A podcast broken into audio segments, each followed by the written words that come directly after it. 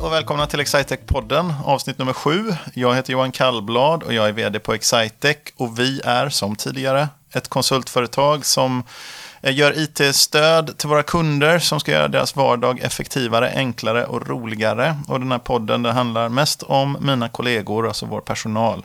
Och någon gång ibland våra partners eller våra kunder. Och eh, till detta avsnitt nummer sju så vill jag hälsa välkommen Erik Johansson. Tack så mycket.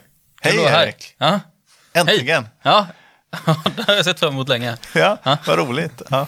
Eh, du, vem är du? Eh, Erik heter jag, kommer från Kalmar ursprungligen. Um, så det är därför jag inte, inte kan säga R, uh, som säkert kommer märkas. Um, och varit på Excitec i, uh, i ungefär fyra år. Right. Um, Vad gör du på jobbet då?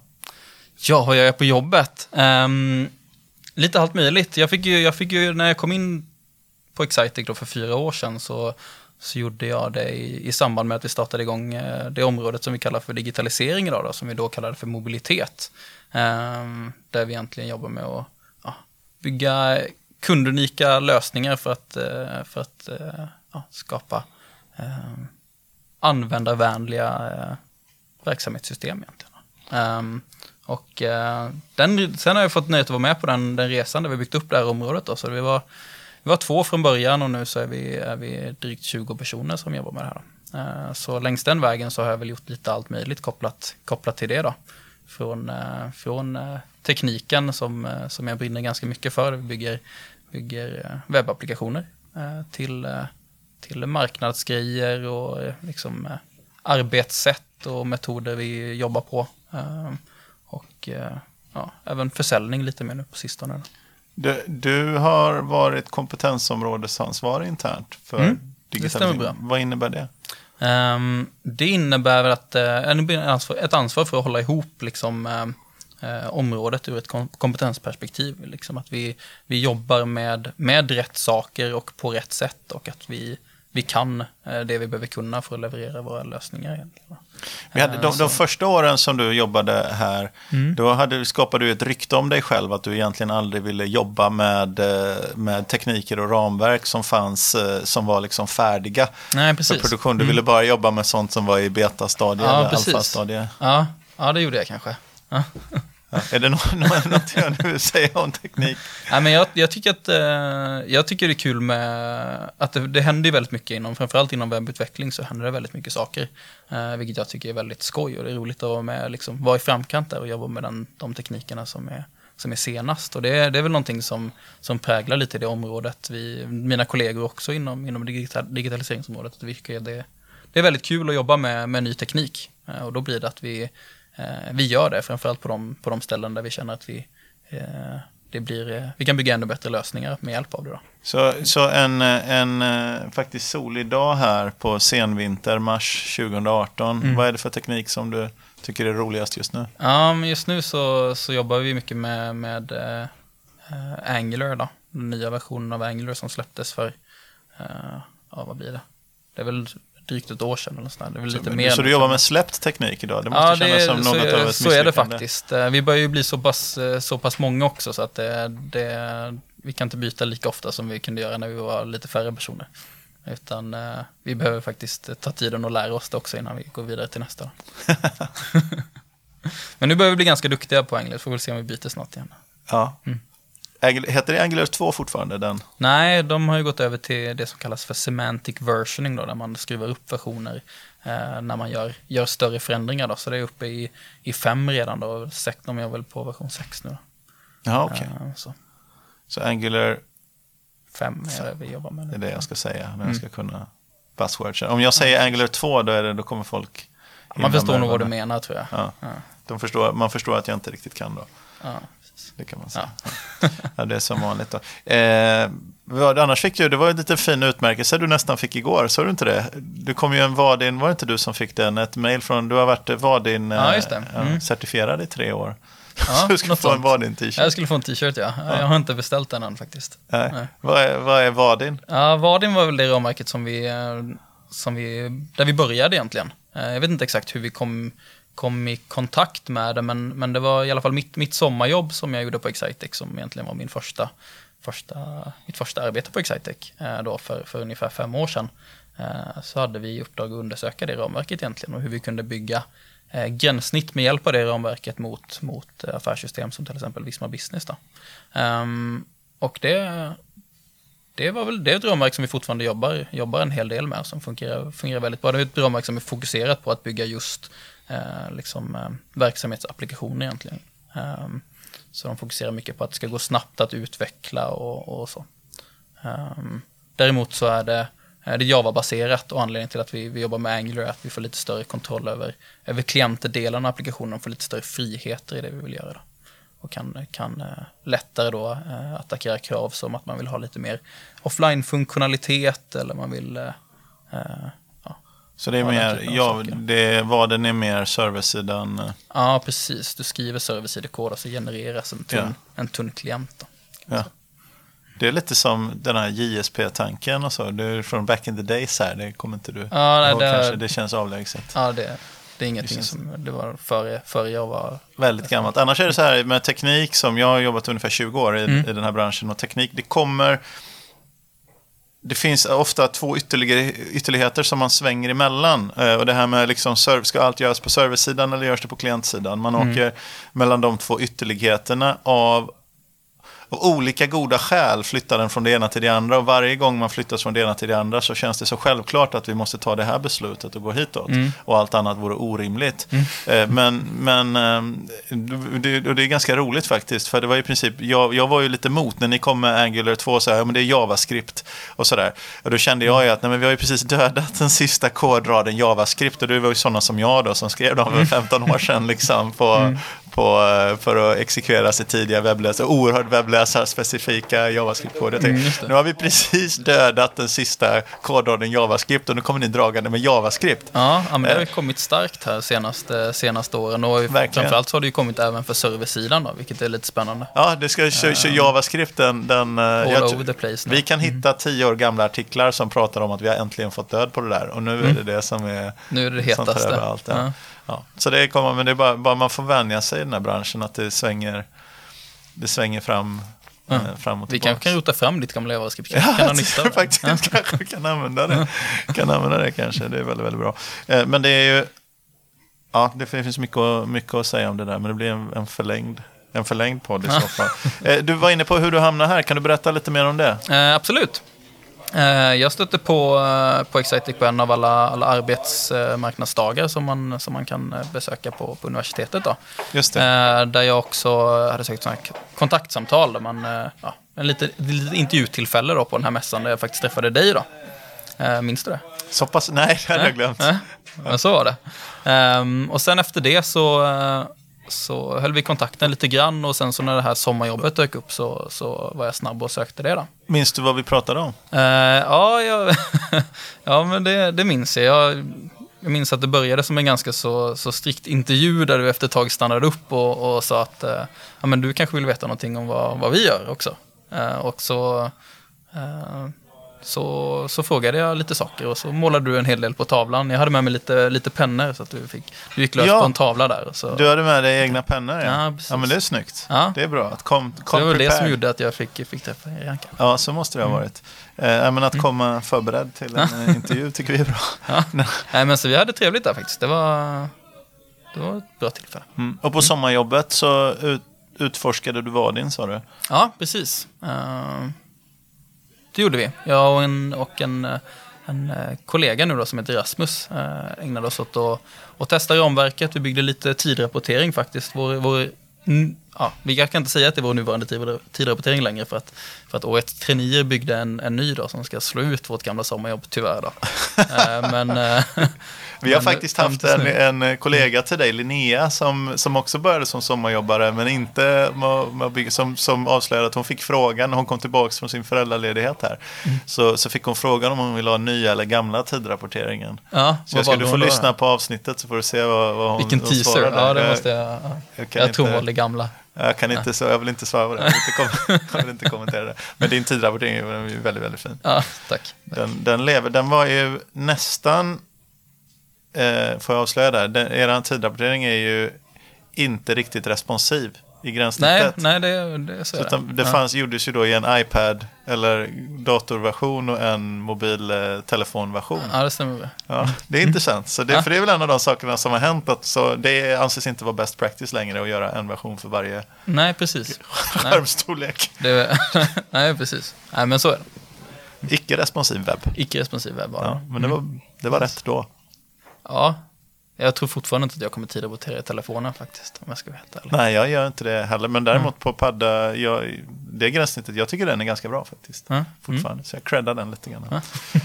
Du, en av de ämnena som jag har lovat dig och den egentliga anledningen till att du, eh, till att du ställde upp och var med på det här Ja, samtalet, Ja. det är eh, vårt återkommande segment Någon berättar om något. Ja, just det. Mm. Eh, Och jag sa ju till dig att du ska få berätta om något och du Mm. frågade om hur lång tid, men inte från perspektivet eh, att du ville ha lite tid, utan du, ville, du hade något som du verkligen ville berätta om. Ja, vad, är, precis. vad är det Erik? Ja, men eh, jag brukar säga att jag, att jag bara kan ha två stycken intressen för att jag måste nörda ner mig så djupt i det. Så jag, jag brukar säga att jag bara kan ha två stycken. Och, och det jag jobbar med är ju det ena och det jag har vid sidan om är, är discgolfen då.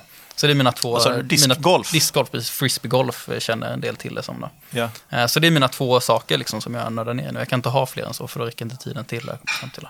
Så mycket tid läggs, eh, all, all tid jag inte lägger till, till eh, ja, teknik eh, och, eh, och det jag jobbar med läggs till, till discgolfen då, just nu. Toucha för- Diskgolf, det, Mm. det är något av en materialsport också va? Det kan, ja, det, det skulle jag säga. Definitivt. Jag är en ganska, en, jag, jag är mellanintresserad av idrott bara, men materialsporter ligger mig ganska varmt om hjärtat. Ja, ja men det, och det är ju lite av en sån, det är en sån sak som, som gör att man har någonting man kan nörda ner sig lite i också. Då. Men det är precis som, som det är ju, det är ju en, en version av golf fast med, med frisbees egentligen kan man säga. Eh, Så att på samma sätt som man har olika klubbor i, i, i golf så har du olika såna diskar då, eller frisbees som, som flyger på olika sätt. Då, helt enkelt. Ehm, och, Och det kan man det- ju skaffa väldigt många Är det testa olika vindsituationer och sånt? Ja, som- precis. Dels är det olika liksom, hastighet på dem beroende på hur långt du vill kasta dem. De skär luften olika snabbt. Så de snabbaste har ju en väldigt, en väldigt tjock eh, liksom, eh, rim eller kant. Liksom, så att du ska skära luften väldigt snabbt. Eh, däremot så måste du kasta dem med en högre hastighet för att de ska gå långt. Då. Och sen så har du då diskar som ska gå en kortare sträcka då, som Och har en högre kant Ett istället. långt eh, kast är hur långt? Hur långt är ett hål? Heter det hål förresten? Ja, de varierar väl. I Sverige brukar de variera mellan kanske de kortaste som är kring eh, 60-70 meter upp till, upp till ett par hundra meter om det är par, par fyra. Det, det vanligaste är, det mycket par treor är det i, i eh, discgolf och de, de är väl någonstans mellan 70 och 120-130 meter kanske. Sånt där. Ehm, så det, är det, det, är ungefär det avståndet som man ska, som man ska kunna nå eh, på ett kast. Då, som, en, som en normal eh, dödlig discgolf. Ja. Mm. ja. Så du, kan du kasta 130 meter? Ja, 130 är nog en stretch, men 100, 120 kan jag kasta. Ja. Och hamna hyfsat i närheten av där? Ja, inte, inte all varje gång. Jag, är fortfarande, jag har inte hållit på så jättelänge med det faktiskt. Det är mitt, eh, min, ehm, mitt eh, egentligen två år har jag hållit på eller sånt där bara. Så jag har en lång, lång väg att gå. Men jag, jag, eftersom att jag nördar ner mig i det så, att, så lägger jag ju väldigt mycket tid på att träna för att bli duktig. Mm. Eh, men jag är ganska så dålig faktiskt. Finns det driving rancher, typ där man står och eh, har med sig tio stycken likadana diskar och står och kastar tio och sen går och samlar upp dem och sen kastar? Ja, jo men det finns det på, på en del ställen. Inte lika så, eh, det, sporten är inte riktigt lika stor som, som vanlig golf, än i Sverige i alla fall. Ehm, Så att eh, det finns ju kanske inte på samma strukturerade sätt riktigt, men en del banor har, har driving range där du kan bara stå. Då. För det måste bli mycket promenad mellan kasten annars om man Mm. kastar 120 meter. Ja, absolut. Det är en av de härliga ge- grejerna med en golf driving range, att man får slå iväg 40 bollar och inte behöver Inte hämta någon dem, ja. det, den lyxen eh, har vi inget ställe i Sverige i alla fall som har, eh, tyvärr. Men det, det kanske kommer Mm. när sporten växer. Det fortsätter ju växa ganska mycket sporten faktiskt. Och Finland, vårt grannland här, har ju sporten blivit väldigt stor. Jag har hört att de har, de har faktiskt fler discgolfbanor än vanliga golfbanor just nu. Det, på ett sätt går det att förstå det i, i golf. I dels är det ju lite krävande och så, men säsongen blir ju ganska kort i Sverige. För du, Mm. du kan inte, egentligen inte spela, inte med någon, inte med någon kvalitet som Nej, är lik den vanliga upplevelsen kan du inte spela sex månader om året. Det är ju, säsongen är ju, Mm. Om du kommer igång vid påsk så är det en bra tidig golfsäsong och sen håller du på in i oktober, då är det ganska sent och kallt om händerna. Ja. ja, det finns ju de som skulle hävda samma sak för discgolf, men det går ju faktiskt att hålla på året om. Ja. Hur gör du? Jag håller på året om. Ja. Vi är faktiskt ganska, vi är ju en, eh, Jag tror att vi har procentuellt sett så har vi ganska många discgolfare på, på Excitec faktiskt. Så, att, Okej. eh, så det är flera kollegor som jag, som jag brukar eh, träna med faktiskt. Okej. Och hur, hur går det här till? Hur många diskar har du ute på ett träningspass normalt sett? Med sig i bagen så har man väl kanske en eh, ja, 24-25 diskar eller något sånt där. Oj. Ungefär. Mm. Och vad Sen så en ganska disk många i garderoben eh, hemma. Sen. Vad är din dyraste disk? Vad kostar den? Ja, den. de, de, är, är, de kostar väl mellan 100, 130 och 280 kanske. Något sånt. Ja, okej. Mm. Så det, det är en liten besvikelse tycker jag att det inte går att... Fast det går att köpa ganska många istället. Då, Ja, det är sant. I här. 24 stycken. Jag vet du hur många klubbor man får ha när man spelar golf? Nej, i det vet jag 14 inte. är- 14, Det är maxgränsen. Jag spelar då inte golf, jag bara brukade, jag brukade spela. Men jag, jag, slutade, jag sa det till någon, eh, någon kollega faktiskt häromdagen, att jag slog en gång en, en, eh, in en järntvåa 190 meter ovanför ett litet vattendrag och hamnade en meter från pinn ungefär. Och sen jakten på det perfekta golfslaget dödade min golfkarriär. Jag gjorde det liksom det, det perfekta det Mm. perfekta golfslaget i väldigt svåra förhållanden en gång och sen trodde jag att jag, att jag kunde det. Ja, och sen det. dess så blev jag aldrig en lycklig golfare igen. Ja, jag förstår. Det- Nej, Jag har inte gjort det där perfekta kastet ändå kanske. Så det är Nej. därför jag fortfarande kan hålla på. Ja, just det. Mm. Ja. Men hur, hur går det till då? Det går till precis som, precis som vanlig golf. Så, eh, så man går ofta... Så man tar på sig rutiga byxor, Ja, eh, precis. Ja, ställer sig och värmer upp. Ja. Nej, men eh, det är, sporten som sådan är ju, är ju egentligen väldigt lik, lik golf. Så att på en tävling så går man i grupper om fyra personer och så den som är längst ifrån kastar nästa kast och så kastar man tills man har, till man har satt den i korgen då som är, är motsvarigheten till, till golfens hål då. Är det några skador? Alltså att man får en disk på sig och sånt där? Ja, det, det sker nog, men inte så jättevanligt. Men, eh, men det kan ju absolut hända. Det är ju ganska, det är ganska ont att få dem på sig. Jag man- tänker det, man måste kasta dem. Det blir ganska bra hastighet på dem. Och vad väger de? Är de tyngst, de som går längst? Är det en... Uh, nej, så är det inte. Det. De flesta eh, de väger 175 gram oftast. Ja. Eh, de, Så du, slår, du har ett typiskt 130 meters, mm, det är en lång par tre. Så får ja, det, om jag säger 100 meters då. Mm. då. Då försöker du göra ditt första, det är bara, du helt enkelt eh, siktar på att Mot korgen, ja. så ja, som precis. Är det vinklar och så på själva eh, banan så att det inte går? Eller går det liksom att attackera korgen direkt? På Det ser ju lite olika ut från, från bana till bana, men par treorna är är, går ju oftast att attackera eh, direkt. Då. Så jag tänker mig holding one är väsentligt mycket vanligare än i golf. Ja, men det skulle jag, jag har dålig koll på hur vanligt det är i golf. Men Ja, det är oerhört att vore, ovanligt. Ja, det vore Eh. rimligt att anta att det är vanligare i, i discgolf. Ja. Mm. Har du gjort många holding ones? Nej, det har jag inte gjort. Jag har gjort, eh, gjort något. Ett har jag gjort. Eh, och så man, eh, man bara försöker lägga, hamna så nära som möjligt. Hur, vad är Mm. taktiken sen på andra Sätta puttarna är, sätta är, puttarna? det är viktigt. Precis som i golf så är puttningen väldigt, väldigt viktig. Så det Ja. får man träna. När jag har en korg i lägenheten så kan jag stå inne och Ja, och så, träna. det står, så det är frustrerande Jättepopulärt eh, Så man, sambon. siktar man både på, för, menar, för att sätta putten, ja, man, du kan komma, antar jag, olika hård, ett olika hårt kast kan Mm. ändå gå i, Ja, absolut. i korgen så länge du ja. träffar på. Ja, precis. Mm. Så är det. För så är det ju inte riktigt, för ett, ett, ett, en hård putt går ju i regel, skuttar ju över hålet, även Mm. Ja. om den går mitt mot hålet. Ja, det är inte lika vanligt. Du kan ju putta för hårt så det faktiskt spottas ut igen. så. Men det är inte alls lika Ja, och då vanligt. räknas det inte som, om Nej, den spottas ut nej. var det inte. Nej. Mm, mm. Hur, men så det är en avvägning, vad, vad försöker du göra? Går du alltid för det på, när du är inom räckhåll eller försöker du lägga den så att det, tredje putten ska bli lätt? Eller andra putten? Nej, men jag, jag, är nog, jag är nog ganska, ganska så aggressiv puttare. Är jag nog, jag säga. Mm. Och vad är en typisk... Hur var du som golfare aggressiv?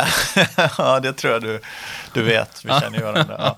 Eh, jag tror alltid att jag kan göra det bästa slaget. Min, min, det jag räknar med på varje givet slag det är att jag ska göra det bästa slaget jag någonsin har gjort. Ja. Eller i nivå med, inte bättre än det bästa, utan in, men i nivå med Ja. det bästa jag någonsin har gjort. jag tror. Men, men, Men det är, ett, det är ett problem det där med den typen av Ja, sport. Alltså, bra, framförallt, när man går, Nej. framförallt när man går en bana som man gått många gånger. Man förväntar Mm. sig ju alltid att man åtminstone ska göra lika bra som, som näst bästa gången man någonsin har gått det hållet. Ja. liksom. ja. Nej, men det måste inte vara bästa, men i nivå med näst bästa. Ja, det är det man räknar med. Så varför liksom har du... Men det här är ju, du har ju fem slag på dig. Varför försöker du spela hålet på det här sättet? Mm. Det, det, så, så det händer ju hela tiden. Men eh, vad är en typisk score då på 18, på 18 hål? Hur, ja, det beror Det på, finns det, det par då ju helt lite olika. Så par ja. 60 kan vi hitta på. Det, Ja, precis. Då är, det ju, då är det ju ett par, par lite längre hål. Men det, det finns lite olika. Du- du som har. Men det sagt, det är ganska, jämfört med vanlig golf så är det ju betydligt vanligare med, eh, med par treor. Liksom. Så många Ja. banor har, har kanske eh, par treor rakt igenom med, med ett par, par fyra hål. I princip. Då. Spelar du mycket på samma banor här eller åker man runt till olika banor? Och... Så mm, just nu på, på vintern så blir det ju, så blir det ju ganska mycket på, på banan här i, i Linköping. Eh, Men annars så försöker jag åka runt eh, så mycket som jag Har du någon med. favoritbana som du vill Ja rekommendera? men eh, Järva i Stockholm är ju, är ju en fantastisk bana. Det är en av, en av världens bästa. Aha. Vad, vad kännetecknar den då? Ja, men den fina fairways, bra, bra layout på den och en, en väldigt proffsig bana. Du, om vi ska gå tillbaka till att prata några ord om uh, Excitec här. Ja. Om, vi ändå för, eh, om jag ska ta Ja, bort absolut. från... Ja. från eh, vad, vad, eh, om du fick ändra en sak med Excitec, vad skulle du ändra då? Men jag fick ändra en sak. Var svårt. Ehm, Finns det något som du tycker är bra med Excitec? Vi kan börja i den änden. ja, precis. Nej, men jag, jag tycker att eh, det finns massa saker som beror med Exactic såklart, annars så skulle jag inte vara kvar här. Jag, jag, eh, jag pratade faktiskt med, jag skrev ett blogg- blogginlägg för inte så länge sedan om, om när vi, när vi blev, blev nominerade till, till Sveriges bästa arbetsgivare. Då. Som, eh, ehm, jag såg nu att de hade, de hade tagit ett citat till vår, vi håller på med att ta fram en ny webb då, så där är jag citerad eh, där. Så Eh, Det kan väl, och det är väl, det är väl egentligen att det finns så mycket, så mycket medarbetare som har ett så starkt engagemang för det som vi jobbar med. Jag tror att vi är ganska noggranna i vår rekrytering eh, och lyckas hitta personer som brinner för samma saker som vi gör. Och det gör att man, man omges av personer som, som brinner för samma sak som en själv och som hela tiden vill göra saker bättre. Eh, Många personer som inte är nöjda med, med att, att göra saker som det alltid gjort, utan man vill göra saker snäppet bättre hela tiden. Och att jobba på en arbetsplats där man är omgiven av sådana personer är, är väldigt härligt tycker jag. Um, så det är väl den stora. Mm. Ja. Ehm, har Det är nog nästan en, om det är bra som medarbetare att känna så, som chef ska jag säga, är det nästan ännu bättre. Ja. För det handlar, en ganska stor del av chefskapet kan faktiskt handla om att inte stå i vägen Mm. för människor som vill, eh, som vill göra bra saker. Och det är också Sen- någonting som jag tycker är väldigt duktiga på om man tar liksom från, från, eh, från chefhåll eller ledarhåll. Liksom, att vi, vi är bra på just det. Att, att, eh, att eh, frigöra den, den handlingskraften som finns och den, den det engagemang som finns. Liksom, och inte, inte bygga massa hierarkier och, och långa vägar till beslut utan att eh, se till att saker och ting kan hända. Hända av sig självt och hända snabbt. Mm. Jag tycker det är kul att höra tycker jag. Jag tror att vi har, liksom utifrån skapandet av det här företaget så har vi, det här hör man många eh, personer säga, men jag tror att många faktiskt menar det när de säger det också. Det är att man försöker skapa som, som chef, som ledare, en miljö och en arbetsplats som man själv vill att en arbetsplats ska vara. Liksom, som, man, som man själv vill ha den. Och är, det är nästan ingen, oavsett vilken ände du är i, i hierarkin, så är det inte så många som vill ha en hierarki. Man vill ju som, som medarbetare vill man ju få friheten att utforska sina passioner. Och som ledare så vill man ju ge den friheten, för man vill inte ta över allas arbetsuppgifter och allas... eh, Liksom, det, så, så jobbet är egentligen, det kan, det kan mötas på ett väldigt bra sätt. Sen finns det klart, det finns ekonomiska verkligheter som man måste förhålla sig till. Och, det finns liksom kunder som har eh, som man måste förhålla sig till och, och göra saker som är inom, inom ramen för det. Men så länge man hittar människor som, som mm, liksom drivs av det, har det som en drivkraft, så tror jag inte det finns så mycket motsättningar eh, där. Så det är kul om det känns som... Jag tycker också, alltså, jag är superstolt över det, det vi har här. Och över alla, alla kollegor. Jag uppskattar jättemycket att ha jobbat med dig så pass länge. Så jag hoppas att jag var glad, trevligt att vi hittade varandra. För vi var ju väsentligt mycket mer okända på universitetet för fem år Ja, sedan. verkligen. Där har vi Ja. gjort en jättehäftig resa Mm. i, i hur mycket studenter känner till oss. Ja, det är jätteroligt. Är det någonting annat som du vill tillägga till det här samtalet nu? Ehm, jag fick inte prata mer om discgolf. Jag ville säga någonting mer om disco. nej, nej, nej, men jag, nej, det är det inte. Det var, det var trevligt att prata lite. Min, jag tror det, min, det måste vara min podcastdebut det här tror jag faktiskt. Ja, vad spännande. Ja. Ja. men det är RN som har hämmat dig lite tror jag. Annars. Ja, jag brukar det det, ju ja. alltid, jag, Du var starkt av dig att ta, inleda med det, för du visste ju att jag hade kommit till... eh, Det hade du jag hade ju påmint dig om det annars. Kan vi editera dem på något sätt? Ja, de- ja, vi ska se. Vi ska fråga Thomas som sitter bakom rattarna här. det att- Man kan fina, fina till dem lite. Det Ja. riktigt manliga. Eller bara ta bort dem helt. Det är så man egentligen ska prata i Kalmar. Man ska inte säga är. Just Så, det. att nu tycker de, de i Kalmar den. tycker att jag pratar konstigt. Men varför är det så, just den, varför liksom att, att man har Kalmar, det är ju ändå ett R i slutet på stadsnamnet. Ja, det är onödigt. Det är lite lika fascinerande som att det där ordet man använder för folk och läs med läs och skrivsvårigheter, det är ordet dyslexi, Ja. som är liksom ett av de mest konstiga orden vi har i svenskan. Ja. Eh, det är, Ja, det är konstigt elakt. faktiskt. Så, Ett, ett tyst är i ja, Kalmar. du borde komma från Alingsås som jag gör. Det kanske jag borde. du har inte haft de där problemen. Nej, det är sant. Ja, Okej, tack så mycket för det här samtalet Erik. Tack så mycket.